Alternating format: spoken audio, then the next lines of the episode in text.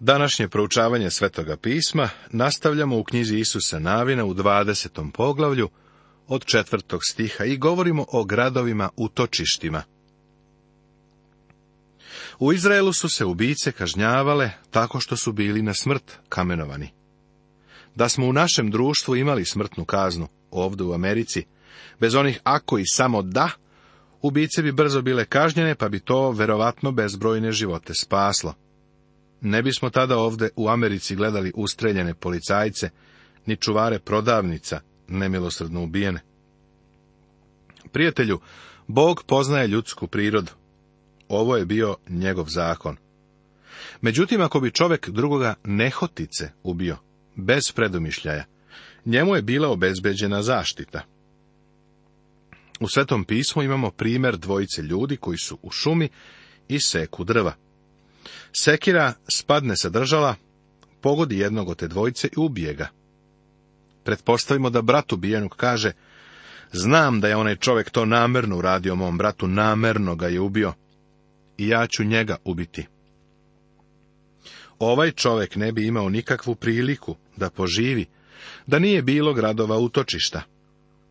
Tako je čovjeku odgovornom za smrt davana prilika da pobegne u jedan od gradova utočišta. Pa kad ko uteče u koji od tih gradova, neka stane pred vratima gradskim i neka kaže starešinama onoga grada stvar svoju, pa neka ga prime k sebi i dadu mu mesto da sedi kod njih.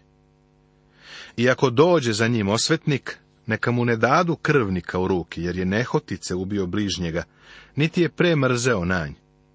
Nego neka sedi u gradu onom dokle nestane pred zbor na sud, do smrti poglavara svešteničkoga, koji bude onda, tada neka se krvnik vrati i ide u svoj grad i svojoj kući, u grad iz kojega je i utekao. Grad utočišta za tebe i mene danas ima veliku duhovnu pouku. Gospod Isus Hristos je bio ubijen. Sveto pismo jasno pokazuje da je Gospod Isus Hristos bio ne samo ubijen, nego da je On danas naš grad utočišta. Govoreći o Hristu kao našem gradu utočišta, pisac poslanice Jevrejima kaže Mi koji smo pribegli da dohvatimo nadu koja je pred nama.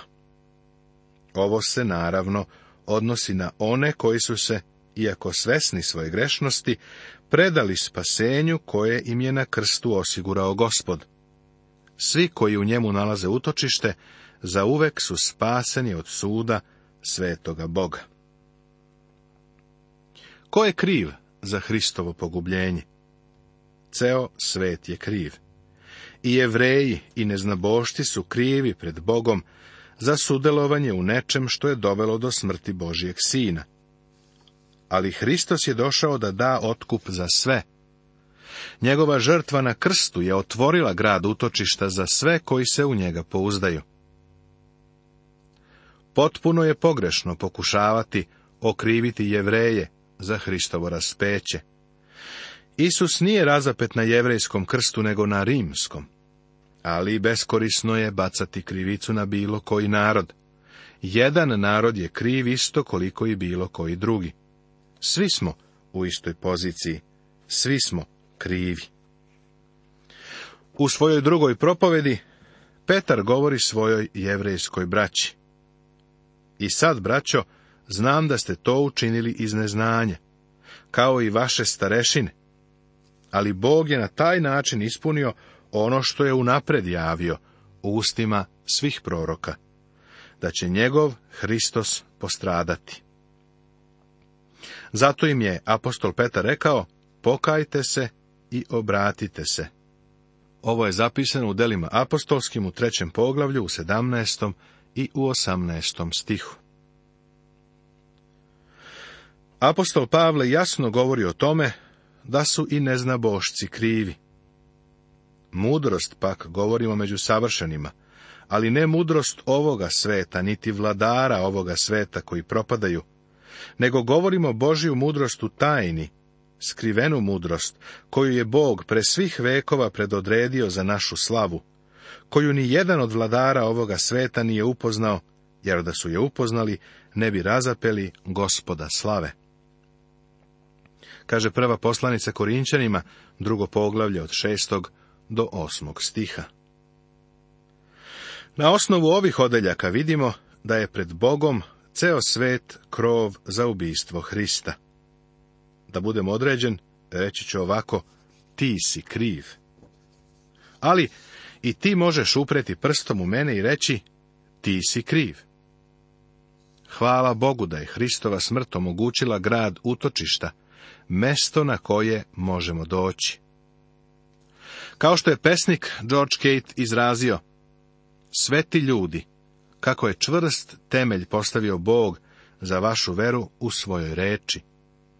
Šta ti je više mogao reći od onoga što je već rekao tebi, koji si u utočište Isusovo utekao? Da li si pobegao Isusu da pronađeš utočište? Tu je zaštita. Kako je ovo divno poglavlje? Poglavlje 21. Tema Levitski gradovi Levitima nije data zemlja kao ostalim plemenima. Zato su im u drugim plemenima dati gradovi. Bili su rasuti, pa su mogli poslužiti ljudima. Levije je bilo svešteničko pleme. Tada dođoše glavari otačkih porodica levitskih ka Eleazaru, svešteniku i k Isusu sinu Navinu i glavarima porodica otačkih i plemenima sinova Izraeljevih. I im u silomu u zemlji Hananskoj, govoreći. Gospod je zapovedio preko Mojsija da nam se dadu gradovi, gde ćemo živeti i podgrađa njihova za stoku našu.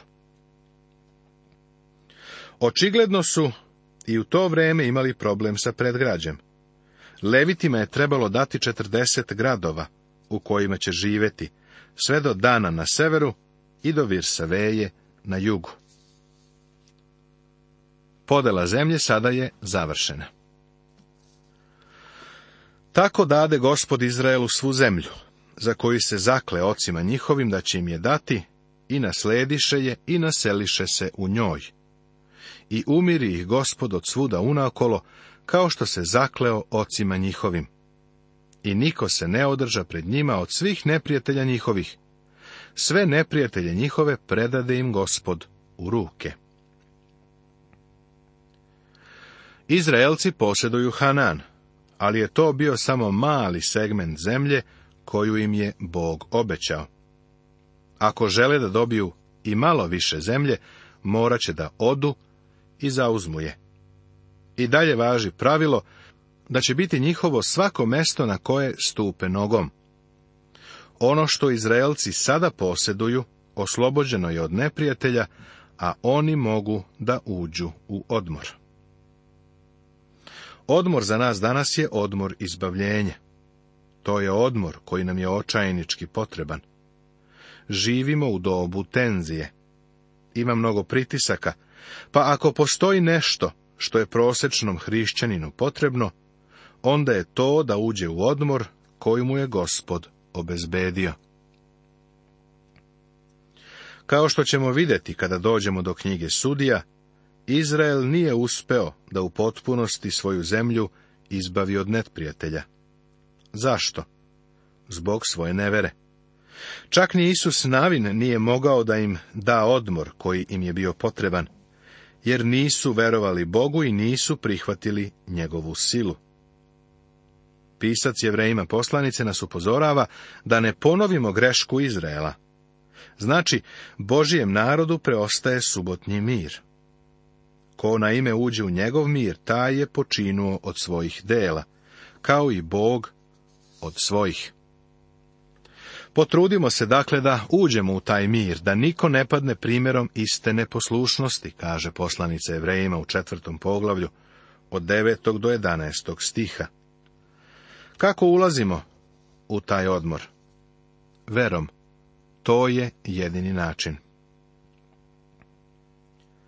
U Hristovo vreme, kada ga je Izrael odbacio kao cara, a kada je on odbacio njihove gradove, uputio im je lični poziv koji važi i danas. Dođite k meni, svi koji ste umorni i natovareni, i ja ću vam dati odmor. Taj odmor je odmor izbavljenja. Sada je ovdje u knjizi Isusa Navina u 21. poglavlju narod ušao u odmor, bar privremeno, koji im je Bog omogućio.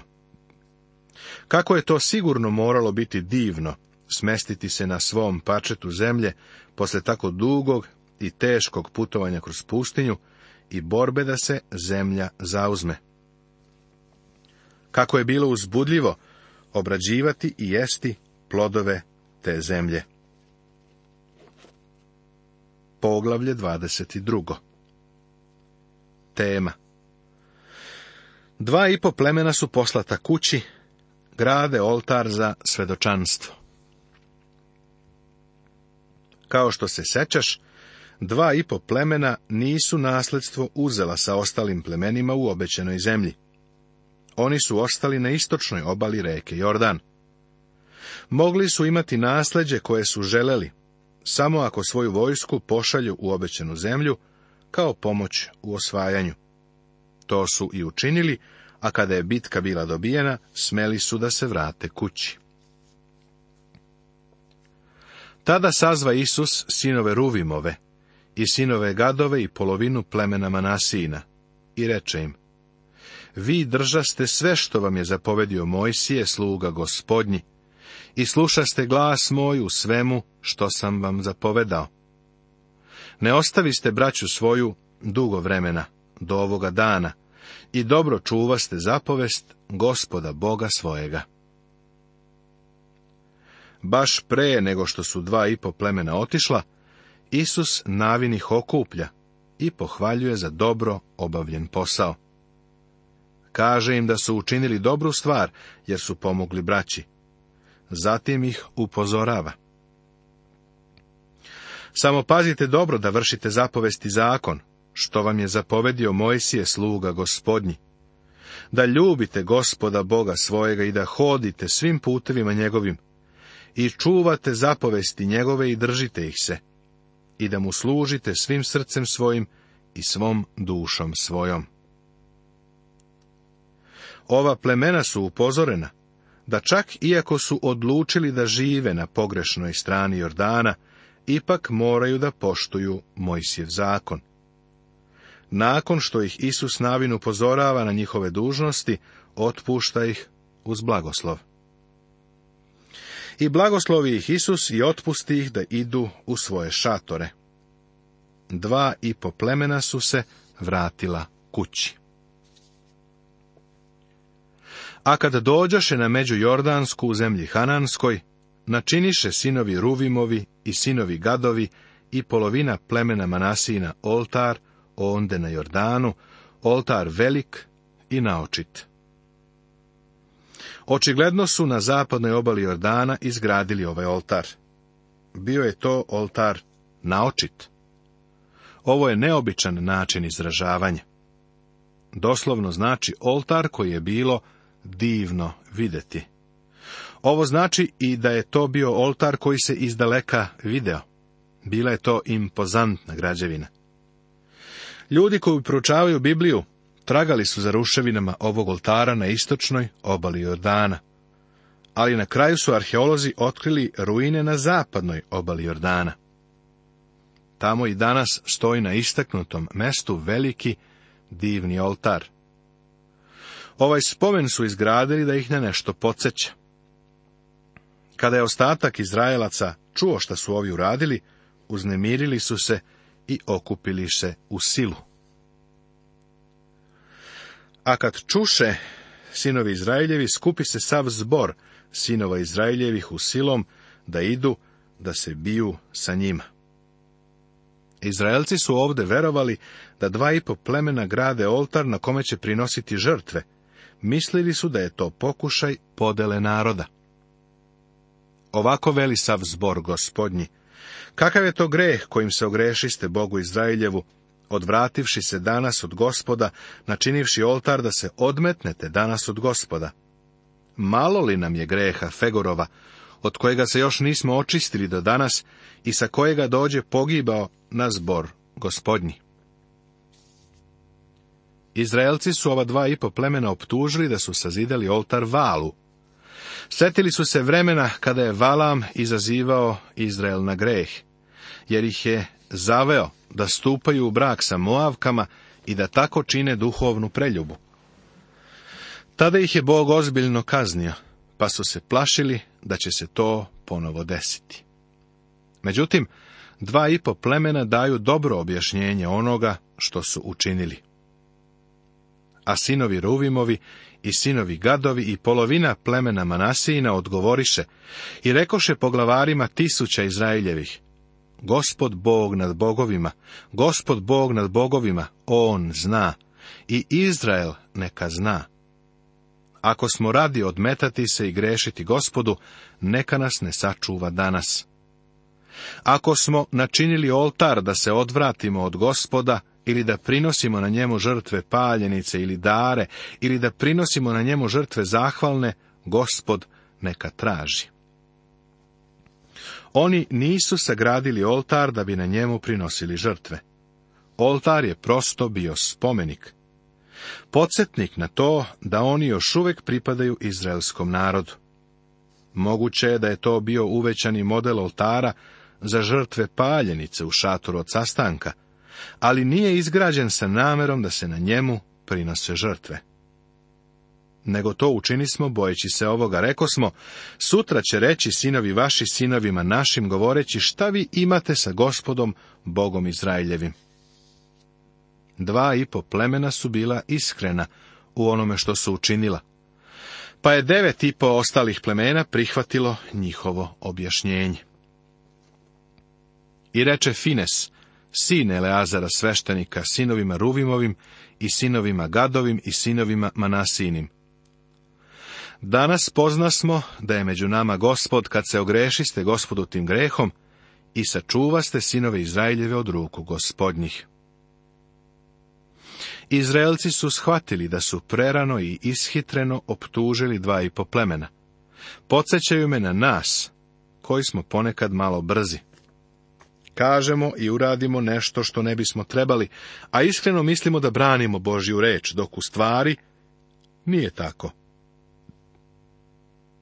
Izraelci su pogrešili što su na svoju braću krenuli sa idejom da ratuju. I prozvaše sinovi Ruvimovi i sinovi Gadovi onaj oltar Ed, govoreći, sve je među nama da je gospod Bog. Spolja je izgledalo da je gradnja ovog oltara zvučala kao dobra ideja. Pa su mnogi komentatori na to stavili svoj pečat odobravanja. Međutim, hajde još jednom da pogledamo letimično ovaj oltar koji se zvao Ed. U šatoru od sastanka je bio bakarni oltar za žrtve. Drugog nije smelo biti. U petoj Mojsijevoj u 12. poglavlju piše i prinesi žrtve svoje paljenice, meso i krv na oltaru gospoda Boga svojega. Krv pak od drugih žrtava tvojih neka se prolije na oltar gospoda Boga tvojega, a meso jedi. Izraelu je kazano da unište sve ostale oltare. Nego oltare njihove oborite i lihove njihove izlomite i gajeve njihove isecite, kaže druga knjiga Mojsijeva 34. poglavlje.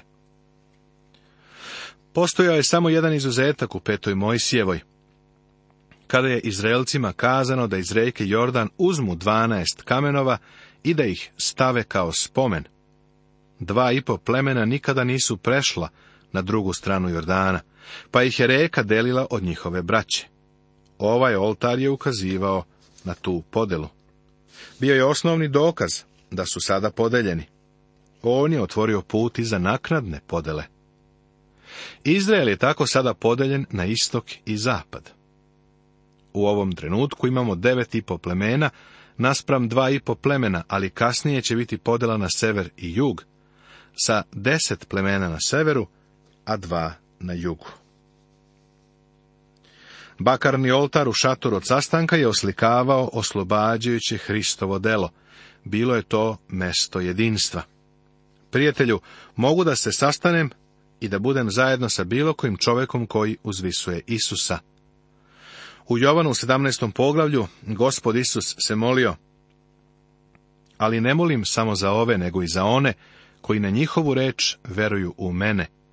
Da svi budu jedno kao što si ti, oče, u meni i ja u tebi, da i oni budu jedno u nama, kako bi svet poverovao da si me ti poslao.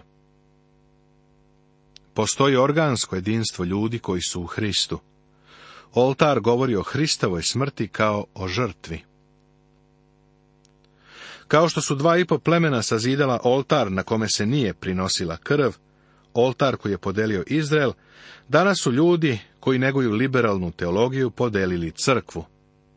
Fundamentaliste su optužili za šizmatizam, ali je baš liberalizam odlutao od krsta i Hristovog božanstva.